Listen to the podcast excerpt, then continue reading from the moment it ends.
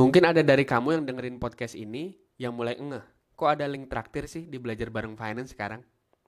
Traktir itu apaan sih gitu ya? Nah jadi, traktir adalah sebuah platform yang dibuat untuk para penikmat konten yang ingin kasih apresiasi lebih kepada konten kreatornya. Apresiasi yang diberikan bentuknya bisa dalam bentuk makanan kesukaan si konten kreator. Nah, karena saya sukanya risol, maka kamu yang dengerin ini juga bisa traktir saya mulai dari satu risol.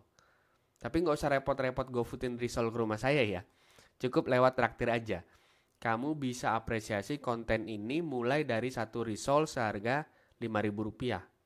Yang mana kamu bisa traktir pakai GoPay, OVO, Dana, link aja, dan transfer lewat bank. Semakin banyak kamu traktir risol, bakalan membantu banget biar podcast ini juga makin rajin update-nya. Selain itu, saya juga bakalan naruh konten-konten premium yang hanya bisa diakses sama kamu yang udah traktir di sana. Dan satu lagi, banyak nih. Sebagian uang traktiran dari kamu bakalan saya pakai buat pengembangan dua project belajar bareng lagi nih. Belajar bareng bisnis dan belajar bareng lo yang akan bahas topik-topik seputar hukum. Gitu. Oke deh, kita masuk ke pembahasan hari ini.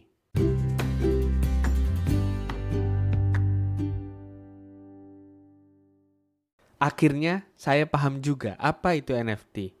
Iya, setelah belakangan rame banget soal NFT-NFT ini. Bahkan ada beberapa teman belajar bareng yang juga DM saya nanyain soal ini dan belum saya bales karena saya waktu itu belum paham. Maaf ya. Dan sekarang saya mulai paham. At least gambaran besarnya lah soal apa itu NFT. Termasuk apakah kita harus ikutan beli NFT atau tidak. Jadi, NFT adalah non-fungible token. Sama sekali tidak menjelaskan ya. Betul, NFT ada kepanjangannya adalah non-fungible token kita mulai dulu dari non fungible. Apa maksudnya non fungible? Nah, basically NFT itu mirip dengan cryptocurrency kayak Bitcoin, kayak Ethereum, kayak Dogecoin menggunakan sistem blockchain. Tapi dia non fungible, non interchangeable atau bahasa Indonesianya tidak bisa ditukar antara satu dengan yang lain. Kenapa? Karena NFT ini punya yang namanya underlying asset. Dan masing-masing underlying asset ini bisa punya nilai yang beda-beda. Nggak kayak kalau kamu misalnya beli Bitcoin gitu ya. Satu beli kamu beli satu Bitcoin. Kamu akan dapat satu Bitcoin yang mana aja. Yang penting jumlahnya karena nilainya sama. Oke, biar lebih jelas lagi soal underlying asetnya si NFT ini, kita bahas dulu dari sejarahnya. Apa sih yang membuat NFT ini jadi booming gitu ya? Jadi di bulan Maret 2021 itu ada seorang seniman digital namanya Beeple. Itu dia jual hasil karyanya di sebuah lelang online di harga 69 juta US dollar. Itu kalau dirupiahkan sekitar 981 miliar rupiah. Ampun mahal ya. Nah, di karya karya yang dijual ini formatnya JPEG. Oke, jadi dalam kasus Beeple ini basically dia jual gambar dengan format JPEG buatannya.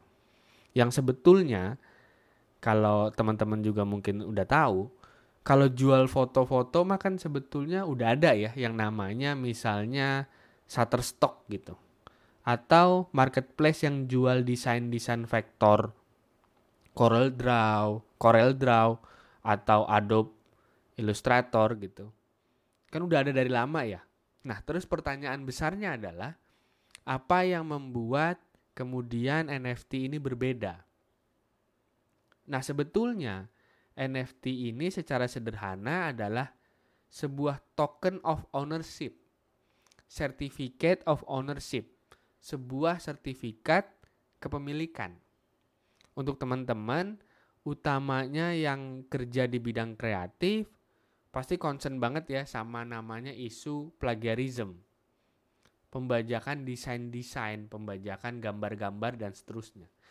NFT ini bisa jadi salah satu cara yang kemudian bisa digunakan untuk menjaga kepemilikan atas karya kamu.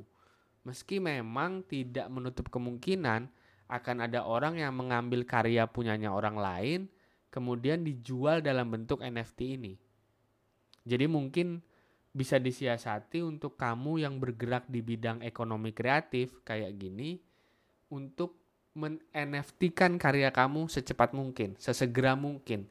Jadi ketika mau dijual pun yang beli nantinya akan menjadi pemilik karya kamu yang sah dengan tanda kepemilikan berupa NFT ini. Nah, karena semua NFT ini tersimpan di blockchain, mungkin teman-teman bisa cari tahu lebih lanjut soal IPFS, Interplanetary File System. Di sana nanti NFT NFT NFT ini disimpan. Teknisnya nanti bisa kamu cari tahu sendiri lah ya. Tapi gambaran besarnya itu tadi. Ketika kamu beli NFT, kamu beli sesuatu, bentuknya bisa apa pun, asetnya tidak terbatas pada gambar aja. Meski memang sementara ini yang rame dijual di NFT adalah gambar gitu ya. Tapi ternyata barangnya atau underlying asetnya itu bisa apa pun. Nah, kamu itu nggak cuma dapat asetnya ketika kamu beli NFT, tapi kamu juga akan dapat sertifikat kepemilikannya dalam bentuk NFT tadi yang menyatakan bahwa kamu adalah pemilik sahnya. Dan sertifikat kepemilikan ini yang kemudian bisa kamu jual lagi nantinya. Oke, karena sekarang udah kesinggung ya soal beli dan jual lagi, kita mulai masuk ke bahasan apakah oke kalau kita investasi aset NFT? Yang pertama, harus jelas dulu. Ini rencananya mau berapa lama jangka waktu investasinya. Karena jawabannya, in my opinion, ya bisa jadi beda. Kalau kamu misalnya berniat beli NFT untuk investasi jangka pendek, bisa jadi punya potensi yang tinggi ride the wave gitu ya. Tapi ya namanya ride the wave, ada yang berhasil, ada juga yang enggak. Dimakan ombak. Apa maksudnya ride the wave? Jadi karena trennya sekarang lagi anget-angetnya NFT ini, namanya juga sifat alaminya manusia gitu ya, FOMO, takut ketinggalan, maka masih akan sangat besar potensinya untuk bisa jual NFT di harga yang tinggi. Nah terus kalau gitu apakah saya bilang kalau NFT ini nggak bagus buat jangka panjang? Gitu ya mungkin pertanyaannya. Nah jawabannya itu bisa iya, bisa juga enggak. Kenapa? Karena dalam jangka panjang, aset itu akan menemukan harga keseimbangannya. Equilibriumnya. Di mana market akan punya pengetahuan yang lebih lengkap dengan barang apa yang ia beli. Tidak lagi mengandalkan spekulasi. Contoh, jika NFT-nya berbentuk karya gambar, berbentuk karya lukisan digital misalnya gitu ya. Di masa depan, yang membeli NFT ini kemungkinan besar adalah kolektor. Yang betul-betul punya apresiasi lebih terhadap sebuah karya seni. Yang benar-benar suka sama barangnya. Yang benar-benar paham dengan valuasi atas asetnya. Jadi, lagi-lagi menurut saya, di mana bisa jadi salah juga ya. Tapi di masa depan, nilai sebuah NFT ini akan sangat bergantung dengan aset yang mendasarinya, dengan underlying asetnya apakah itu lukisan, apakah itu aset yang lain, dan namanya karya seni gitu ya, itu nilainya kan memang sangat abstrak banget gitu.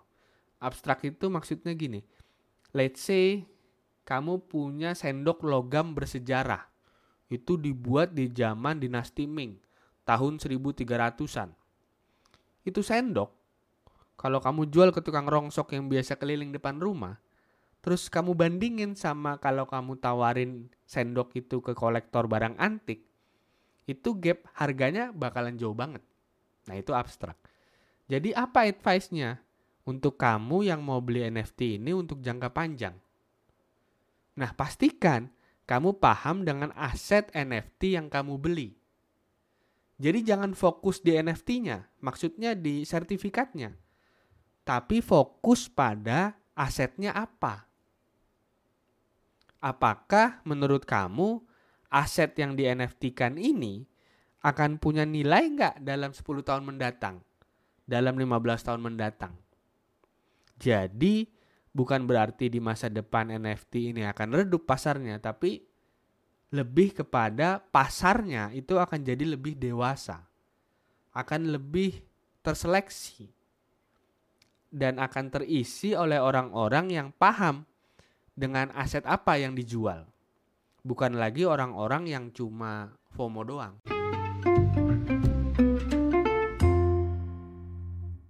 Terima kasih telah mendengarkan belajar bareng finance sampai hari ini. Jangan lupa follow podcast kami biar kamu nggak ketinggalan episode-episode terbaru. Jangan lupa juga buat follow Instagram kami di @belajarbarengfinance. Digabung semua ya.